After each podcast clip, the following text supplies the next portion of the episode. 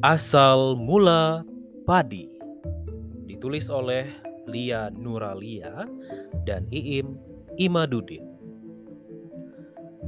Alkisah kemarau panjang melanda desa Tanah Linggo, Pulau Kalimantan. Karena tidak ada lagi yang dapat dimakan, bencana kelaparan melanda penduduk desa. Mereka ramai membicarakan sebab terjadinya kemarau panjang tersebut, namun tidak juga diperoleh jawaban.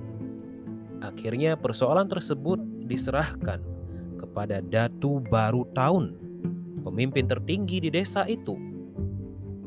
Kemudian, Datu Baru Tahun mendapat jawaban bahwa kejadian ini merupakan akibat ulah manusia yang melanggar larangan para leluhur. Banyak penduduk yang telah melakukan dosa. Dosa-dosa itu akan terampuni oleh sebuah pengorbanan berupa persembahan jiwa.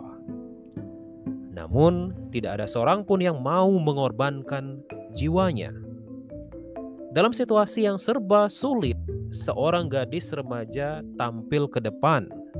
Ternyata ia adalah Putri Liung, anak dari Datu Baru Tahun ia siap mengorbankan dirinya untuk menebus dosa-dosa yang dilakukan penduduk di desanya. Bagi Datu Baru Tahun, hal ini sungguh dilematis. Putri Liung adalah anak satu-satunya yang sangat disayanginya. Namun, sebagai kepala desa, ia tidak boleh menolak upaya untuk menyelamatkan desanya.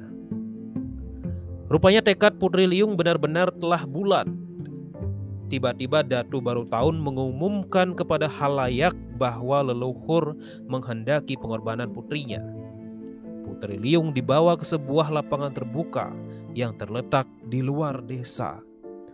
Para penduduk berkumpul menyaksikan upacara pengorbanan sang putri. Tidak beberapa lama kemudian, upacara pengorbanan pun segera dilakukan.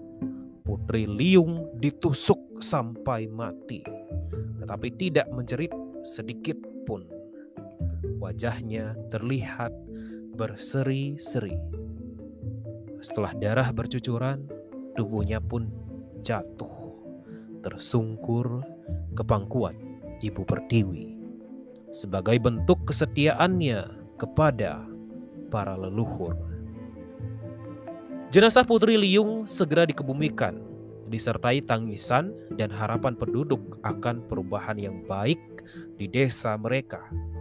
Setelah jenazah dikebumikan dan diberi penghormatan terakhir dengan menabur bunga dan doa bersama, tiba-tiba datang kilat menggelegar, awan mendung mengiringi arwah sang putri.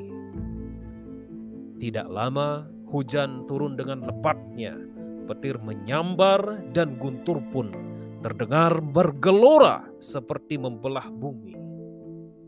Penduduk beranggapan kejadian alam yang maha dahsyat ini sebagai pertanda pengorbanan Putri Liung diterima dan dosa-dosa penduduk desa telah terampuni.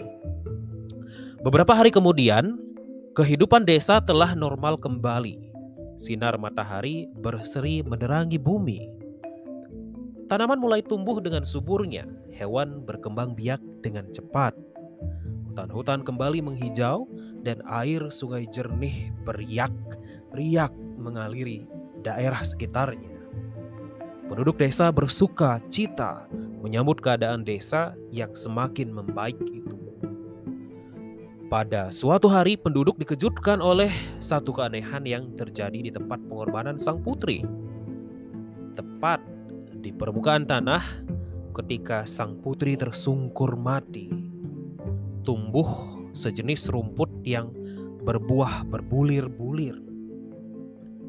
Rupanya tumbuh jenis tanaman baru yang sebelumnya tidak dikenal penduduk setempat. Itulah pertama kalinya penduduk mengenal tumbuhan padi. Menurut kepercayaan masyarakat setempat, Putri Liung telah menjelma menjadi tanaman sejenis rumput dengan buril bulir bernas berupa bulir-bulir padi. ia menjadi tumbuhan yang menghasilkan bahan makanan pokok dan digemari penduduk. Tanaman padi kemudian semakin dikenal dan menjadi tanaman utama di desa. Kemudian, hari tanaman padi menjadi dewinya para petani. Pesan moral dalam legenda asal mula padi ini adalah pengorbanan dan keteguhan hati pasti akan membuahkan hasil yang sangat luar biasa.